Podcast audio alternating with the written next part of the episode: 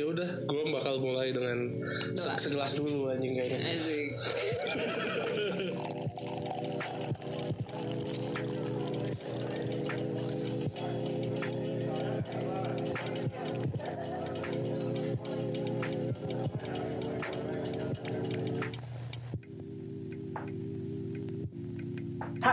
sobat-sobat singkat sosok asik kembali lagi di di Mabui Podcast. Gua Gaza. Gua tuh Batik Gua Danis. bersama Revi. Part ya balik lagi part 2 kalian udah belajar belum yang dari part 1 tuh? Udah kita kasih waktu dua kasih minggu waktu lah ya. 2 minggu untuk belajar tuh. kasih kuis apa nanti? aja kasih kuis Giveaway lagi. Giveaway. Giveaway mulu katanya. Voucher beli reksadana nggak. Jangan jangan dong, jangan dong. Voucher beli reksadanya kita kasih ini kita apa? Yang Referral. Bener juga. Gunakan referral dari saya Atik atau Gaza Danis sebetulnya. Mungkin juga buat kita nanti.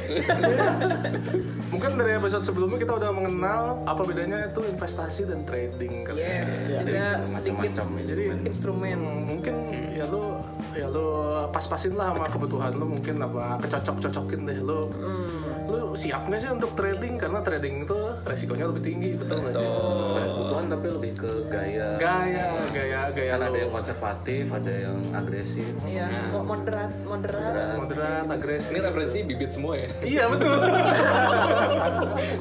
anak bibit Ketahuan. Ya, ini disensor nggak nanti? ya udah nggak apa-apa itu itu template kita kalau uh, misalnya bibit masukin iya endorsement Kemarin, kemarin yang depannya J itu kan. oh genius Si Adi. season satu ya season satu sering banget ya itu pokoknya kita kasih gratis dulu tapi Genius lagi nyebelin sekarang Apa nggak gara visible? gara-gara ada potongan sepuluh ribu Tapi itu lebih murah dibandingin potongan dari bank cuy. ya udahlah nggak usah Oke, lanjut saya tidak usah membahas, tidak membahas. Gue sebel sama yang kayak gitu-gitu.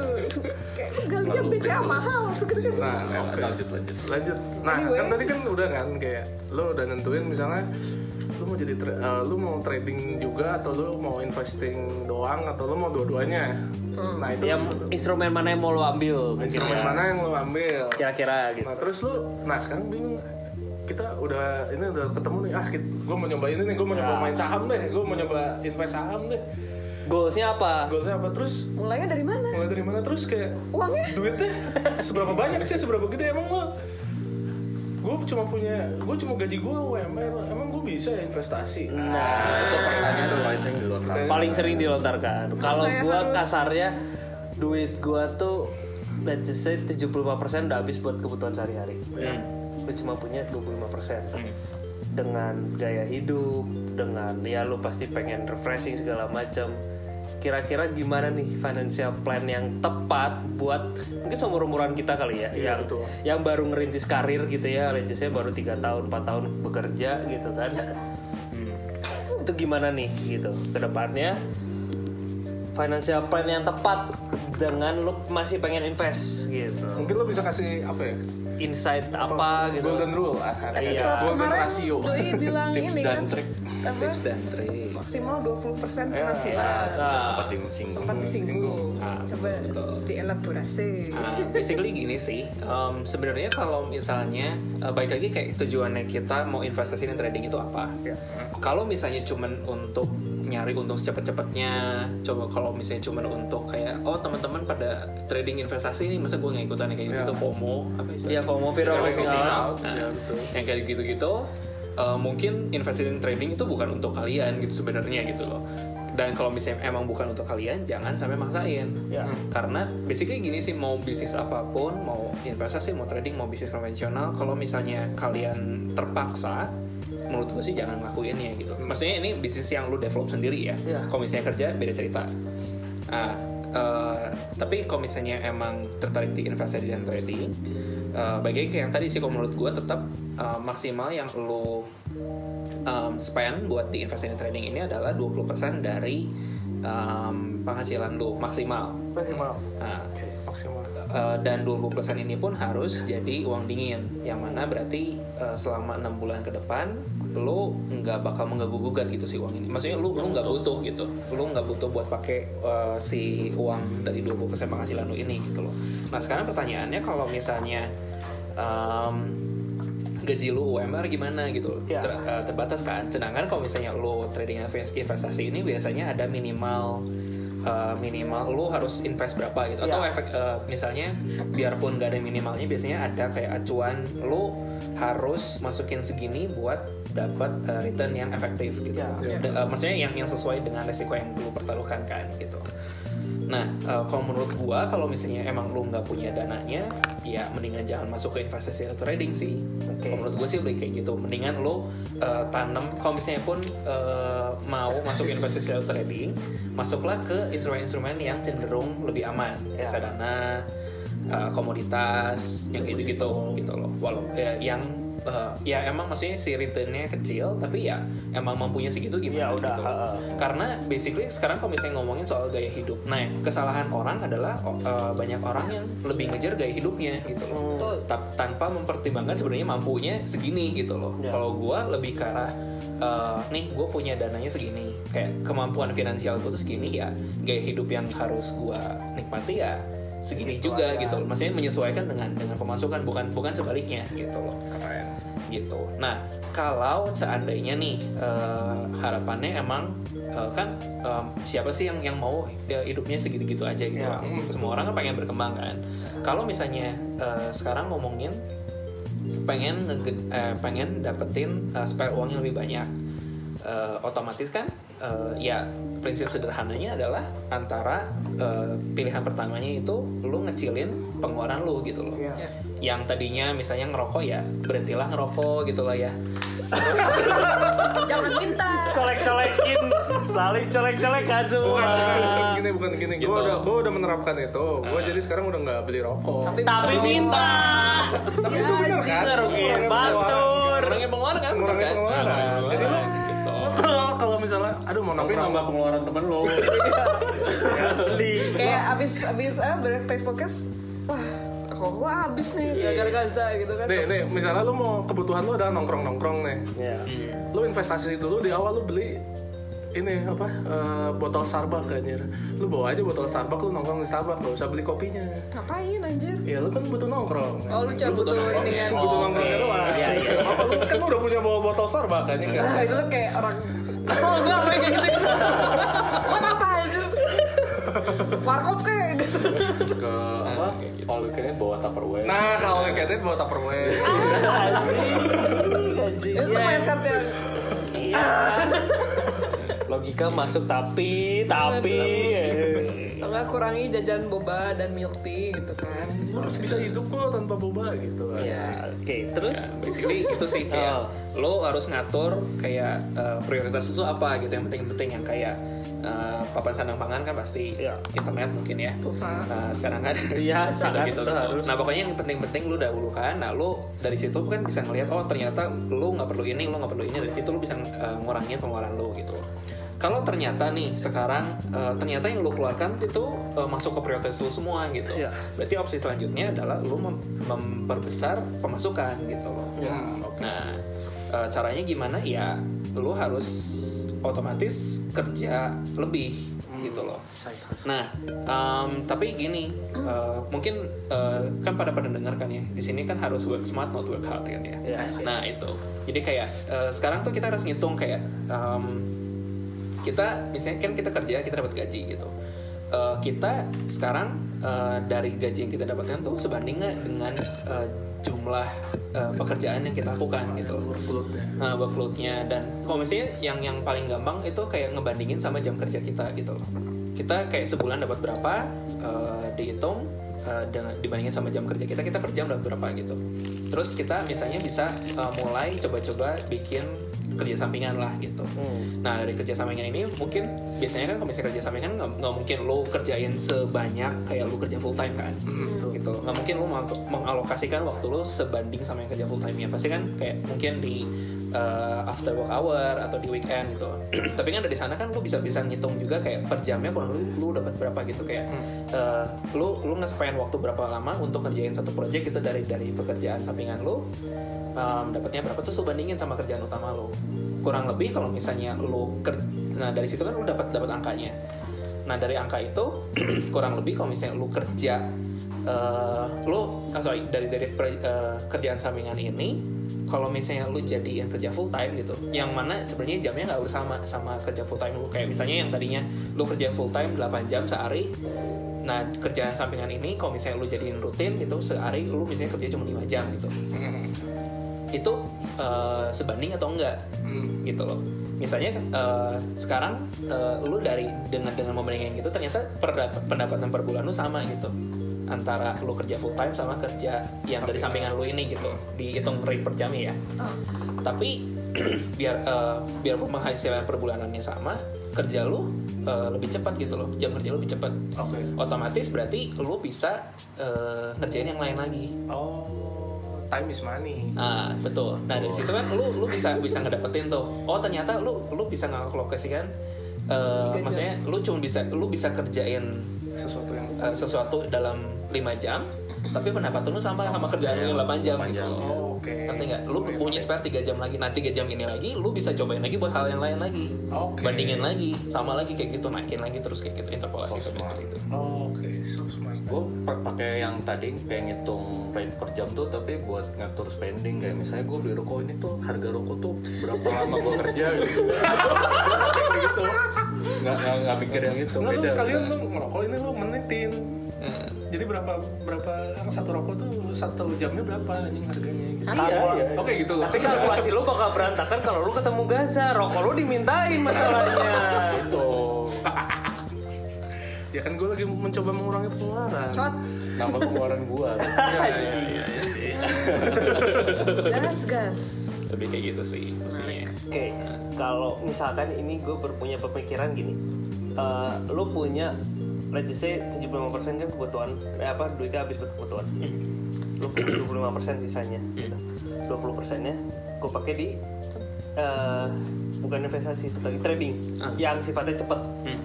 Bisa nggak kalau misalkan lu punya prinsip kalau keuntungan dari trading gua, gua pakai buat gaya hidup.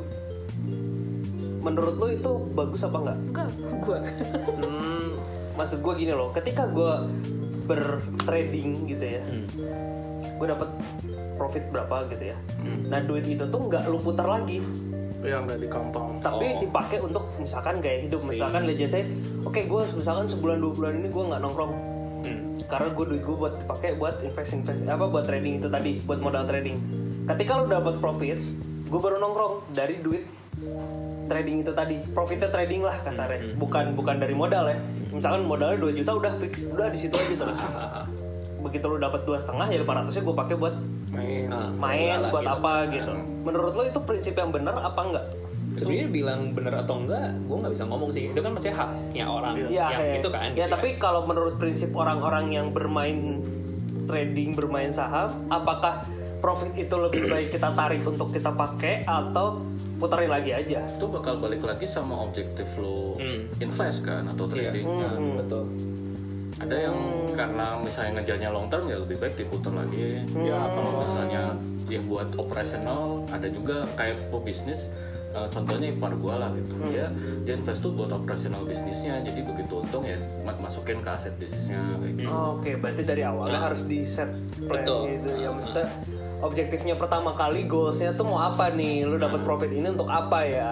ya betul betul Jadi tidak ada maksudnya istilah ya lu kalau misalkan lu punya, lu harus putarin lagi gitu loh. Lu dapat punya profit lu putarin lagi dong gitu. Aha. Nggak ada Iya, nggak ada nggak ada. wording seperti Nggak itu ada. ya gitu ada. kasarnya. kan basicnya sebenarnya kayak kita eh, trading itu nyobain untuk elevate gaya hidup kita kan sebenarnya Iya, basicnya seperti itu kan Hmm. kalau misalnya sekarang kita dapat duit diputerin lagi puterin lagi puterin terus sampai mati kayak gitu kapan kita nikmatin ya gitu kan saya nggak sih buat apa gitu ujungnya betul. gitu Gitu.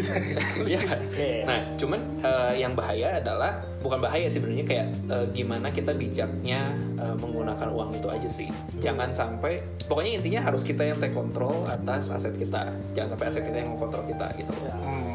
Nah, jadi kayak em, pokoknya ya eh, misalnya lu mau eh, mau nongkrong mau apa mau apa uh, intinya lu harus tahu kayak lu batasannya lu nongkrong nge-spend segini gitu. Lewat dari itu jangan gitu. Uh, lu harus uh, baik lagi kayak tadi kan ngatur uh, prioritas sama segala macam kan. Gitu. Kalau misalnya pun lu mau ngejar gaya hidup ya lu harus harus define sekonkret mungkin. Kalau bisa kayak lu rumah harus misalnya lu target lu punya rumah harganya segini luasnya segini segala macamnya. Lu pengen punya mobil mobil apa sebisa mungkin sekonkret itu sih jadi kayak uh, lu tahu patokannya lu nge-spend uang tuh sampai segimana gitu Oke. Untuk modal itu bagusnya ditambah terus apa? kalau gua uh, gua biasanya kayak uh, Atau mau buka cabang baru? Maksudnya gitu. Misalkan gue udah di forex, misalkan gue punya 10 juta di forex. Hmm. Gue lebih baik ketika gue punya duit lebih lagi, misalkan gaji gue naik atau so on, gue nambahin modal gue jadi 20 juta atau gue buka cabang baru. Hmm, tergantung sih jadi kayak gini kalau misalnya gua lebih ke arah uh, pokoknya gua main di instrumen satu nih Mm-mm. gue harus nguasain dulu si instrumen ini sebelum gue pindah ke instrumen lain gitu. Karena kalau enggak nanti gue bingung kayak Ya, ya. karena kan setiap setiap instrumen kan punya prinsip trading dan investasi masing-masing kan Hmm. gitu kayak kayak bisnis aja lah kayak sekarang lu uh, bisnis um, Coffee shop lah. coffee shop misalnya. Terus lu bandingin sama bisnis baju. Lu bandingin sama bisnis elektronik gitu misalnya. Masing-masing kan punya keuntungannya masing-masing punya industri masing-masing punya ya naik turunnya masing-masing lah Ya. gitu lah. Profit margin juga kan beda-beda kan. Kalau misalnya lu uh, coffee shop gitu lu profit margin bisa 2000 3000 sekali jual kan gitu. Sedangkan kalau misalnya lu jualan handphone kan nggak mungkin lu jual 30 kali lipat dari harga modalnya kan. Siapa yang mau beli gitu. Mungkin ada sih orang gila yang mau beli. Tapi um, basically ya kayak gitu gitu. Kayak setiap instrumen punya cara mainnya masing-masing Uh, kalau misalnya lu belum menguasai ini bisa jadi kecampur gitu nanti nah ini Iya. tuh bahaya bahaya banget Jadi Gitu. mending mending kayak lu kalau Kalau lu udah puas banget ya udah udah ngerti banget baru lu buka cabang baru. kalau gue sih lebih kayak gitu dan uh, sekarang ngomongin soal modal kayak misalnya nih gue masukin 10 juta buat uh, main cryptocurrency nih misalnya sebisa mungkin uh, biasanya kalau misalnya gue gue modal bersih dari aset gue nih misalnya gue masukin itu gue bakal main seaman mungkin biasanya. Sampai uh, modal gue ini uh, uh, balik. Jadi kayak uh, gue nyampe ke BEP jadi dari 10 juta ini gue nyampe jadi 20 juta. Yang 10 juta ini gue tarik gue mainin dari 10 juta ini. Yang main gue main gini Oh gitu. iya, ya main mainnya tuh dari udah profitnya sampai Ah. ke modal lu ya BEP-nya, Iya, sampai jadi, ke BEP-nya. jadi modal modal asli gue nya gue tarik dulu gue amanin dulu gitu. Untuk nah, Nah. lu tarik 10 juta itu untuk buka cabang baru. Enggak juga sih gue mainin dulu dari sini sampai sampai biasanya kan eh, pas pas gue nyampe BEP tuh gue sebenarnya belum belum paham bener cuman udah nyampe BEP aja gitu di, di Aman nih ini. gitu kan. Ya. pokoknya ini ini, Udah ini istilahnya gue, tuh gue. kalau misalnya ini hilang pun bukan uang gue gitu sebenarnya udah dari Ya, uang udah- untung udah- aja udah gitu. profit aja. Nah, serugi ruginya cuma cuma waktu yang gue spend aja Nah, gitu ah. Nah, jadi dari sini baru gue mulai naikin nih dari yang tadinya misalnya gue uh, trading untuk 5 persenan doang, gue naikin 10 persen. Hmm. Karena ya, udah punya lagi, gue naikin jadi 20 persen lebih kayak gitu sih.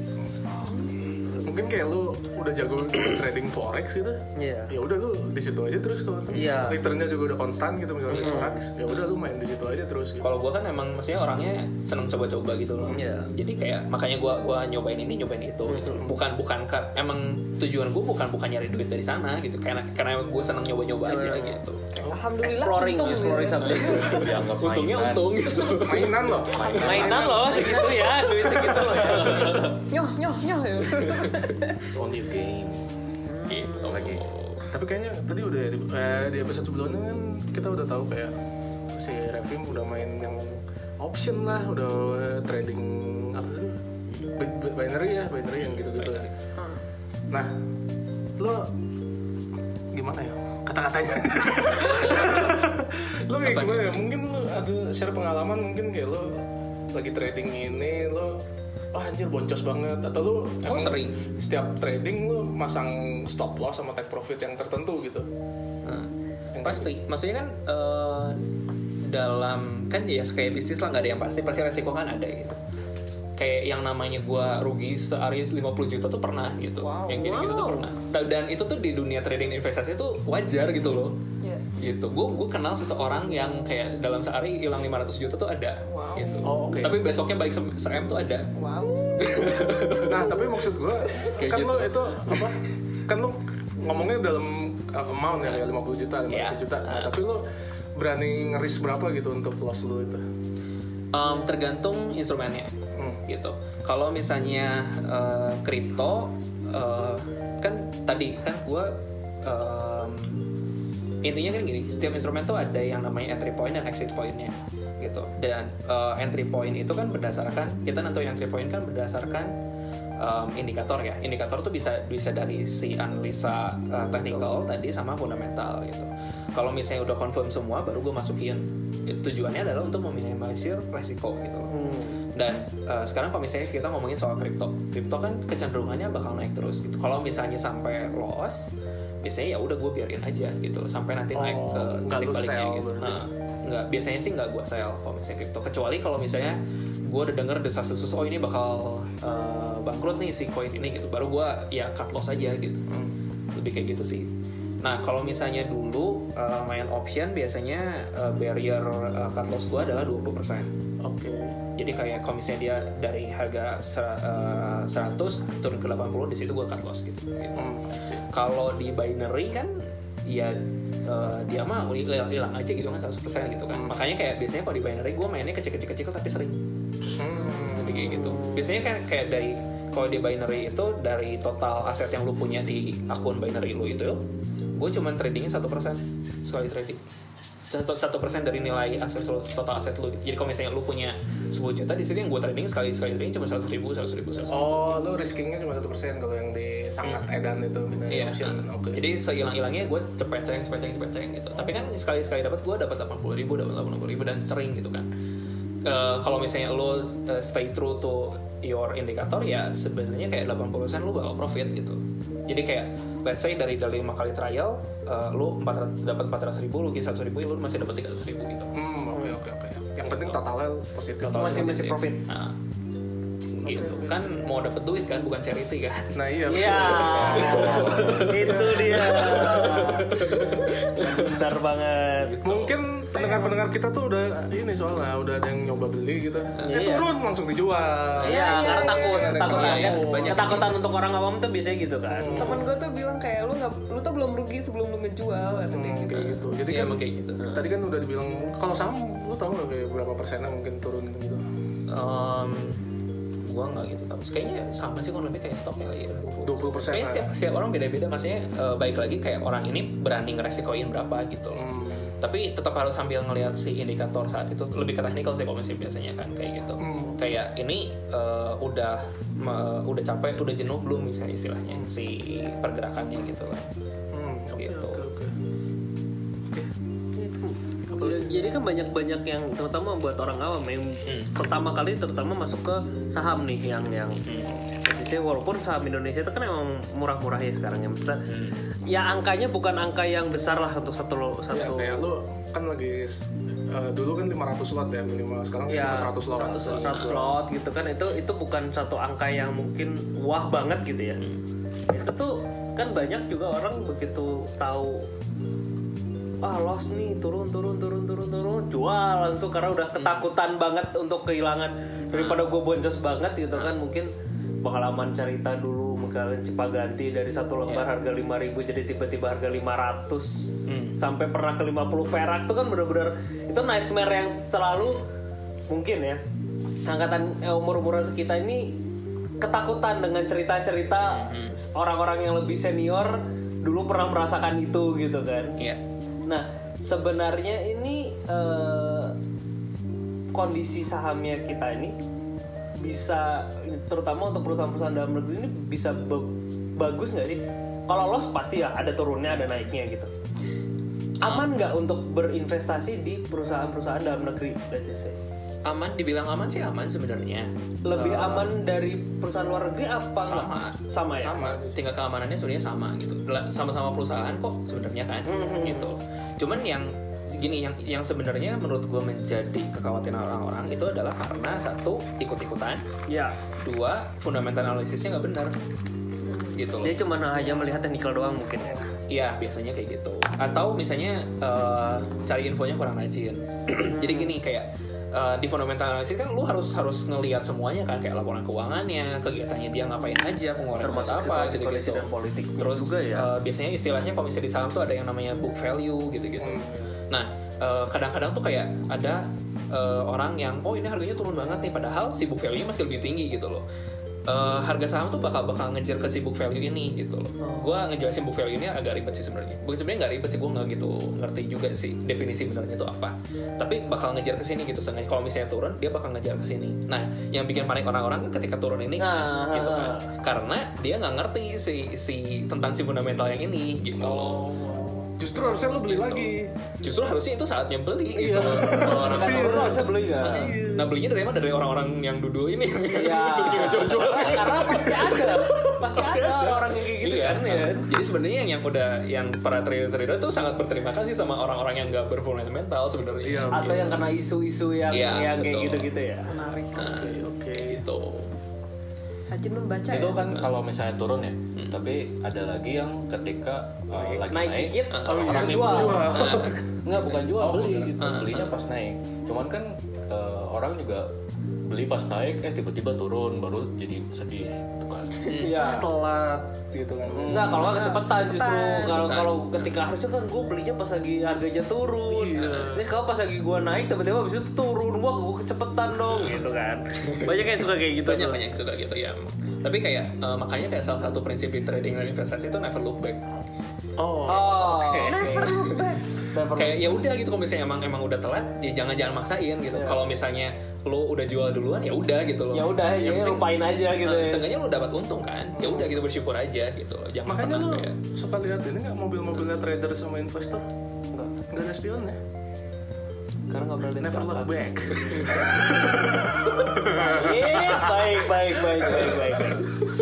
gue udah ngantuk ya ya ya baik Oke. ya gitu Uh, itu tadi satu pertanyaan yang bagus nih kayak ketika harga naik anjir malah ikut panik juga sih. Iya. Ini gue mending tahan apa mending gue jual nih? Iya, ada yang jual, ada yang wah ini bakal naik terus nih, beli. Ternyata habis itu turun gitu kan. betul makanya kan eh, pemahaman tentang technical analysis sama fundamental analysis itu penting tuh ya karena itu gitu loh karena kayak kemarin ini kan bitcoin kan nggak kira-kira kan untuk kemarin ini kan naik sampai 800 Juta, 800 850 an ya. ada teman gue yang beli di 845 gitu loh. Terus beberapa jam berikutnya kayak turun ke 700 sekian lah pokoknya. Gue panik. Terus dia langsung masuk ini gede gitu karena karena dia baru belajar satu terus pengen cepat kaya gitu. Nah, itu dia. Lo. Berarti prinsipnya adalah jangan pengen kebelet cepet kaya ya. Mungkin- Jangan jangan pengen langsung dadakan lah, jangan pengen kayak dadakan gitu ya. mainnya kecil-kecil dulu Ya sih main kecil-kecil dulu. Mungkin Cobain kalau yang trading belajar mungkin bisa pakai demo account, mungkin Iya. nggak pakai yang nggak semua ada demo account sih tapi Semua nggak ada tapi demo account. nggak nggak semua nggak semua ada kecil-kecilan kecil-kecil tapi lah. intinya tapi kan maksudnya semua orang bisa ngelihat chartnya sama gitu jangan jangan masukin duit bener langsung lah ini gitu ibarat kalau misalnya lu belajar mobil kalau misalnya lu masukin duit langsung tuh kayak lu langsung langsung masuk tol gitu Iya, iya, iya. Ya betul. kan lu belajar komplek dulu Oh, iya. nge- menyesuaikan diri sama kondisi nyetir tuh gimana Iya, gitu dulu iya, kan iya. gitu sudah lu lancar baru lu next take next step gitu kan Masuk jalan raya dulu Ah. gitu. kayak gitu Pokoknya jangan gampang ikut-ikutan Nah, influencer-influencer itu lah. ini bakal untung nih Wih, Iya, iya, iya. Di pom-pom itu. Iya. Tapi based on pengalaman lu ya, Iya. Terutama eh, pernah pernah mainin eh, saham yang dalam negeri nggak? Nggak. Ya, masih selalu sama. luar. Gimana eh, situasi kondisi yang misalnya politiknya luar negeri ini pengaruh banget nggak ke saham? ngaruh Banget. politik tuh pasti ngaruh iya pasti ngaruh Sejak maksudnya gini, eh di sisi waktu itu Amerika ketika pilpres gitu, Hmm. itu efeknya ke stoknya lu gitu ya, misalnya ke saham yang jadi jadi volatil dia bukan volatil jadi istilahnya kalau kita tuh sideways sideways tuh jadi kayak ya di situ-situ aja tapi nggak jelas kita terakhir mau naik foto motornya nggak jelas Oh gitu. Jadi ketika mungkin lagi kita tahu nih kita baca berita, Hmm. oh ini kayaknya kondisi negara ini bakal lagi bakal ada kacau gitu. Lu Hmm. Kalau misalnya- jangan jangan jangan bertake risk di situ Iya, gitu ya. nah. makanya kan gue udah udah nggak trading saham lagi kan karena saking nggak jelasnya gitu Ya, saat ini oh, oke. Nah, Oke, oke. Nah, tapi kalau siapa tadi eh, fundamental analysis tuh apa ya belajarnya tuh gimana sih kayak apakah ada sebuah eh, Guidelines yang guideline tertentu atau iya. lo harus bisa mem- mengkoneksikan isu ini dengan isu ini dengan buku ini dengan apa gitu. Kayak yang basicnya sebenarnya kayak gitu kayak lu harus tahu segala macamnya gitu. Tapi kalau misalnya sekarang eh, kalau gue ngelihatnya kayak ya sebutuhnya gue aja gitu. Tergantung si eh, instrumennya. Kalau misalnya cryptocurrency kan ada kayak eh, website yang ngasih tahu oh ini si koin ini tuh bakal ada event nih gitu. Nah gue cuma cukup perhatiin itu itunya aja gitu. Gitu. Kan lu lu sebenarnya nggak nggak perlu tahu seg- segala macamnya gitu. Loh lu cukup cuman cukup tahu kayak ini event bagus atau enggak ini event bakal bikin harganya naik atau turun gitu. At least ada orang-orang baik yang akan mengabari itu gitu atau kan juga. dari si koinnya sendiri dia announce. harus announce gitu. Oh, misalnya kayak gitu gitu yang lo ikutin juga yang sebenarnya cukup lo yang terlibat aja kan? Iya betul. Misalnya kalau saham juga efek tertentu kan ya udah di sektor itu aja misalnya uh, antam emas gitu berarti Iya. tentang mining gitu iya. Nggak usah lu nggak usah mikirin tentang apa jarum suntik kayak gitu. Iya, ya Iya, misalnya kayak gitu, gitu. vaksin atau misalkan ya kayak Apple gitu. Misalkan lo ada dua apa beli jual belinya dari sahamnya Apple gitu kan, lo mainan di situ tiba-tiba ada isu Apple dilarang di negara tertentu misalkan ya kayak gitu-gitu ya. Lu cuma sebatas itu tahu tentang perusahaan itu aja gitu kan ya. lu maksudnya kayak komunikasi zaman dulu tuh nggak usah eh, apa maksudnya? Lu nggak usah paham tentang seluruh beritanya. Kan kalau misalnya lu baca berita kan report oh ini eh, inflasi naik segini apa segala macam. Wah kira-kira pokoknya eh, lu cuma cuma cukup tahu eh, oh ini kondisinya jelek oh ini kondisinya buruk eh oh ini kondisinya baik Oh, oke. itu doang gitu loh kondisinya baik berarti naik kondisinya buruk berarti turun sesimpel itu gitu sebenarnya Itu kalau news ya mungkin. kalau news Ya, balik lagi Nah kalau mungkin kalau yang laporan keuangan mungkin lu harus belajar juga kali ya laporan keuangan. ya tak ma- pokoknya lu tahu makin banyak sebenarnya makin bagus gitu kan Oke. ya cuman kan nggak semua orang punya kapabilitas itu kan guys Hmm, waktunya juga waktunya juga Waktunya mempelajari juga. gitu juga butuh waktu. intinya makin lu banyak tahu resiko lu makin kecil gitu loh Meminimalisir risiko. Nah, betul sosmed calculated risk Nah, ada calculated loss juga segala macam. Nah, kalau untuk sorry Nggak mau, nggak mau Gantian, gantian, gantian. gantian, gantian. kayak kan kayak ada istilah jangan eh, naruh Eh, eh, telur naruh telur dalam dalam satu keranjang. Nah, tahu Nah lo ngediversifikasinya tuh gimana ya? Kayak lo eh, optimalnya gimana kayak portofolio optimalisasi portofolio itu tuh gimana gitu? ya? diversifikasi Diversifikasinya gimana gitu? hmm, sebenarnya em, bagi ke orang masing-masing gue gue sendiri nggak nggak ada planning kayak gue berapa persen berapa persen berapa persen sih cuma kayak gue sanggup eh, mendanai in, si, di instrumen ini berapa di instrumen ini berapa di sini berapa gitu eh, dan eh, makin kecil resikonya gue makin gede aja gitu sih itunya si pendanaan gue di situnya Oh, gitu. jadi lu yang alokasi yang paling gede tuh justru yang di paling aman. paling aman ya? paling eh, paling aman. Returnnya pun paling kecil. Dan eh, kan tujuan dan itu tuh buat kayak jangka waktu 20 tahun ke depan gitu loh. Oh, oke. itu kan tapi kalau ngomongin instrumennya tapi kalau dalam satu instrumen misalnya dari saham lu uh, nggak mungkin naruh di satu efek doang gitu kan. Pasti Heeh. banyak. Nah itu gimana tuh? Mungkin lebih nyambung sama pertanyaan Gazlin gitu. Enggak, gue dijawabin tadi. Gue aja. saya gua gua follow up question. Oh ya follow up question. follow up question. Oke. Oke, oke. Eh, berarti eh, sekarang gini kayak ini kan berarti investasi eh, instrumen investasi gue yang paling aman saat ini adalah reksadana. Gitu. Di reksadana karena gue juga di reksadana karena gue gue kan cenderungnya risk taker juga kan. Jadi reksadana gue paling gede di reksadana saham. Oke. kurang lebih 70 persennya di reksadana saham terus 20 persen di obligasi nah, sebenarnya pasar uang. 10 persennya pasar uang.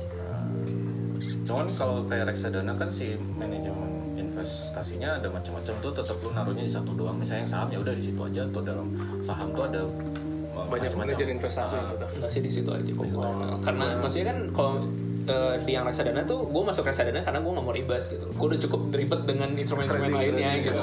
Maksudnya dalam satu manajemen investasi juga kemudian dia diversifikasi lagi juga. Kalau Iya. misalnya lu niat ya nggak salah sih gitu. Terlalu banyak diversifikasi. Iya. Diversifikasi kuadrat. jelek gak tuh kalau terlalu banyak? Enggak juga. Maksudnya ya tergantung itu tadi kan kapabilitas kita buat kayak waktu kita ada nggak buat buat analisa Oh, gitu. Iya, iya, iya. buat eh, nge-follow track recordnya dia gimana gitu. Karena kan setiap setiap instrumen tuh harus harus kita ikutin terus kan. Kalau misalnya sampai ada apa-apa dan kita nggak tahu kan bahaya gitu. Nanti sedih, Ah. nyalahin. Boykot. Bunuh. Betul. Silakan Nis. Kamu ada pertanyaan kan? Tadi kan mau nanya nih. ada nggak jadi Jelek ya pertanyaan Oh, lo. jadi. Tidak tidak ini tidak perlu ditanyakan Nah, terus apa nih? apa Kalau yang paling ini deh kan kalau kebetulan kan kalau Rev itu mulainya dari uh, stock option. Hmm. Cuman dari dari udah nyoba berbagai instrumen investasi ini Hmm. ada nggak kayak rekomendasi buat sosok yang paling beginner friendly itu apa buat mulai? ya, pertama kali Ya mungkin yang dipisahin ya, mungkin yang trading trading tuh yang beginner friendly tuh trading apa, terus yang investasi itu yang beginner beginner friendly itu yang kayak gimana? Kalau menurut gua, kalau misalnya investasi reksadana sih yang paling aman ya. Kayaknya semua orang juga kayaknya eh, udah cenderung eh, positif thinking juga lah dengan reksadana kan. Karena udah lama juga kan reksadana ada di Indonesia gitu. Kalau misalnya eh, soal trading, kayaknya gue bakal ngerekomen cryptocurrency sih. Crypto. Hmm, Karena maksudnya dia nggak sevolatil kayak saham dan segala macamnya. Terus eh, cenderung aman juga dan dia nggak ada expired juga gitu kan ya. Eh, cuman tinggal ya eh, oh terus tradingnya juga cenderung lebih santai ya kan? Kayak lu lu kalau misalnya eh, ternyata nggak untung sekarang lu bisa untung di event berikutnya. Oke. ya kan? Karena kan si si koin-koin ini kan bakal update update update terus kan? Oke. gitu loh. Lebih kayak gitu sih. Jadi kayak eh, lu lu punya second chance lah kalau misalnya di eh, crypto tuh. Gitu. Ayo, let's go. Indodax. wow tinggal nunggu tawaran product placement aja di sini Iya, emang itu dari dari sebelumnya udah kasih kita kasih template terus. ntar ya. kita mestinya mention tahu Apa? kami mention si Oh iya, bener ya waktu di tag. ya, waktu di tag. oh apa nih Udah di take down. Tolong penyebutan penyebutan tanpa izin surat nanti. no kita kayak eager Ya, oke. videonya kurang ya Oke lah ya. Udah simpulan simpulan simpulan simpulan apa? Tuh, coba tuh. Gua biasa selalu gua ya. Hmm, iya. Ya biasanya, eh gua biasa. Revi tuh yang kasih simpulan. Boleh. dia udah ke belakang udah kesimpulan panjang kita deadwood beneran apa ya Pokoknya, pokoknya lo eh, Oh ini nih eh, ngomong investasi itu ada dua. Ah. Eh, dapat uang tuh banyak caranya. Tapi jangka pandang, jangka pendek. Yang jangka panjang itu investasi, jangka pendek trading. Gitu kan tadi udah disebutin kemarin. Terus eh, apa lagi? Eh, buat beginner friendly yang tadi disebutin pasti adalah reksadana. Buat yang trading, crypto crypto. Itu bisa dipelajari lebih lanjut lagi. mungkin yang gue tangkap adalah eh, lu jangan berharap cepet kaya sih. Tuh. dengan Investasi dan trading. Buat mulai itu lo harus bahkan trading pun juga jangan buru-buru Hmm. ketika lo mulai misalnya trading tuh emang sih bisa bikin returnnya kan tinggi ya kalau trading Iya. tuh lo bisa satu persen sehari lah ya kayaknya mungkin nah tapi Jangan terbuai. ketika lo uh, uh, jadi terbuai gitu yang kayak gitu lo malah jadi apa ketagihan terus lo udah analisis lo salah terus lo masuk juga gitu malah boncos lo jadinya hitungannya ya. malah jadi gambling. malah itu kan jadi Iya. gambling Trading bukan gambling ya. trading bukan gambling halal halal Halal. halal halal bukan judi ya bukan judi halal Jadi ya kalau tradingnya sembarangan ya gambling sih itu kayaknya naik. Kayak- kayaknya turun deh. ya kalau lu ya mau tebak-tebak kayak gitu lu mending judi beneran aja Udah, udah lo, lo tinggal ini koin aja aja. Iya. 50 50. Oh ini apa? Garuda apa angka gitu. kalau lu main poker kayak atau main apa gitu udah udah jelas lah gitu aja Angka beli ya. anjing tokel Angka beli bangsat eh, itu jual. Terus apa lagi Apa tadi? ya? Coba-coba silahkan tapi Tapi jangan banyak-banyak. Banyak-banyak. Hmm, Coba lu nyemplung dulu lu rasain kayak gimana kalau lu udah mulai konsisten, lu udah mulai ya lu udah paham lah cara analisisnya dan lain-lain. Lu naruh duit juga kalau udah yakin, jangan ikut-ikutan. Jangan ikut Ya, jangan ikut-ikutan. ya jangan main-main dengan duit kebutuhan sehari-hari. Harus uang diem ya. Apa, ya, tam- bikin rule- rule of planning yang bener. 20% Oh iya, lu hitam 20% Dan lu harus bisa memapping 20 tahun ke depan lu harus punya apa aja. Rumah, mobil, anak, sekolah anak, dan Iya, lain-lain betul, dan lain-lain betul betul betul betul. Terus tadi tuh apa ya? Ya, jangan maksain juga. Jangan maksain. Kalau misalnya tadi apa kan buat perlu analisis dan lain-lain perlu waktu dan lu sanggupnya tuh segimana. segimana Ya, Jangan. Jadi eh, aset yang mengontrol diri lu. Iya, jangan jangan terkontrol lu. Lu yang mengontrol aset lu. Jangan jadi stres. Oh banyak lah. Oh, Jangan jadi stres. Pokoknya banyak banyak. Pindah. kuasain pokoknya kuasain analisis lah baik fundamental ataupun maupun teknikal gitu. Pindah investa eh, instrumen kalau sudah mahir satu. Nah ya tapi kalau lu udah untung di satu instrumen ya udah lu main aja di situ. Ya, play udah safe cocok sih udah. udah udah Kalau risk nyoba-nyoba taker tingkat dewa ya terserah gitu. yes. Sama yang paling penting harus bisa mengontrol emosi Betul. Iya. Kecuali lo bikin robot yang perfect banget anjir kan.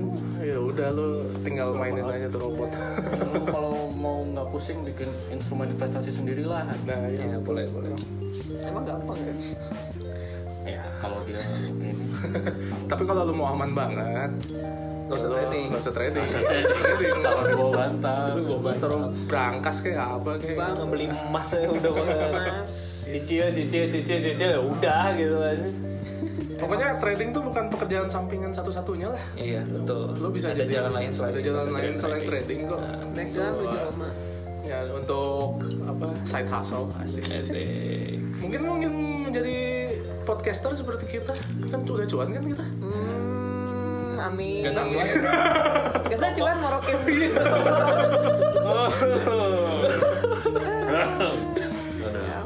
oh ya shout out juga untuk podcastnya Rev Oh iya apa? Oh iya, Rev, uh, Rev punya podcast loh by the way. Ya, gue juga kebetulan punya podcast sendiri namanya Kerikil Seperempat Abad. Eh, bisa dicari di mana pun di Mabui Podcast ada, harusnya Kerikil Seperempat Abad juga ada. Keren namanya kerikil seperempat abad. kerikil seperempat ngomongin apa Kerikil seperempat abad. Iya, jadi di podcast gue tuh ngomongin soal orang-orang yang lagi struggle di quarter life crisis. Nice. Eh, terus ya biasanya kayak mereka punya ya usaha-usaha sendiri juga dan lumayan unik-unik sih sebenarnya. menarik Nah, cuman kebetulan emang sekarang gue lagi vakum juga Oh. Dari podcast karena nggak keburu. kan yang lain. eh, Kan trading. Waktunya dipakai untuk cuan dan lain banyak hal lah ngurusin public speaking Oh iya. Ada lagi yang mau dipromot usahanya? Yang itu tadi. Oh iya, gue juga coach public speaking. Kalau misalnya eh, ada yang ada yang pengen belajar public speaking, Gua ikut untuk online public speaking terutama. gua muridnya Rev Nah, Eh, silakan itu di bisa eh, reach out kamu di mana Iya, yang langsung aja datangin ke jagongomong.com. kelihatan kan jago banget ngomong eh kedengeran bukan kedengeran kan jago? Banget. Su- suaranya enak naik turunnya nggak kayak kita gitu. kadang kadang datar gitu. Kadang gitu. terlalu cepat. Oh iya, oh iya, gue juga lagi bikin web design agency. website di Mabu yang bikin Rev Oh iya, bisa eh, bisa langsung dikunjungi inspiringpanda.com. Oke. terima kasih Revi atas Thank you banget. Iya, iya, iya, juga juga udah diundang ke sini. Jangan sama memberikan insight-insight baru nih ke kita soal sampai jam. 1 pagi loh dia. kita kita nggak mabok loh btw Iya, iya. Ini karena obrolannya serius sih. Serius buat kalian cuan. pasti cuan nggak tahu Ya, pasti, Pasti cuan, cuan, Pak. ya, tapi insya kita membuka apa ya membuka wawasan lah Untuk jendela mendapatkan cuan. ilmu Inilah ilmu lah asik. Oke. thank you sobat sobers Thank you sobat-sobat jangan thank lupa di follow Iya, dan Twitter kita. kita dan di Spotify di share Kalau dengerin, tolong di share juga ke teman-temannya via IG stories atau apa. mungkin tiga bulan kemudian oh saya mengikuti saran-saran dari Om Revi nih mantap Siapa tahu bisa udah bisa langsung beli sudah mobil. Saya ikut binomo. Nanti kalau ada yang nyoba yang paling eh, coba di share untungnya berapa yang paling profit kita kasih giveaway. menjanjikan tapi kode referral tapi giveaway kode referral Giveaway itu ada apa? Oke guys. terima kasih thank you, thank you. thank you Revi bye bye Thank you.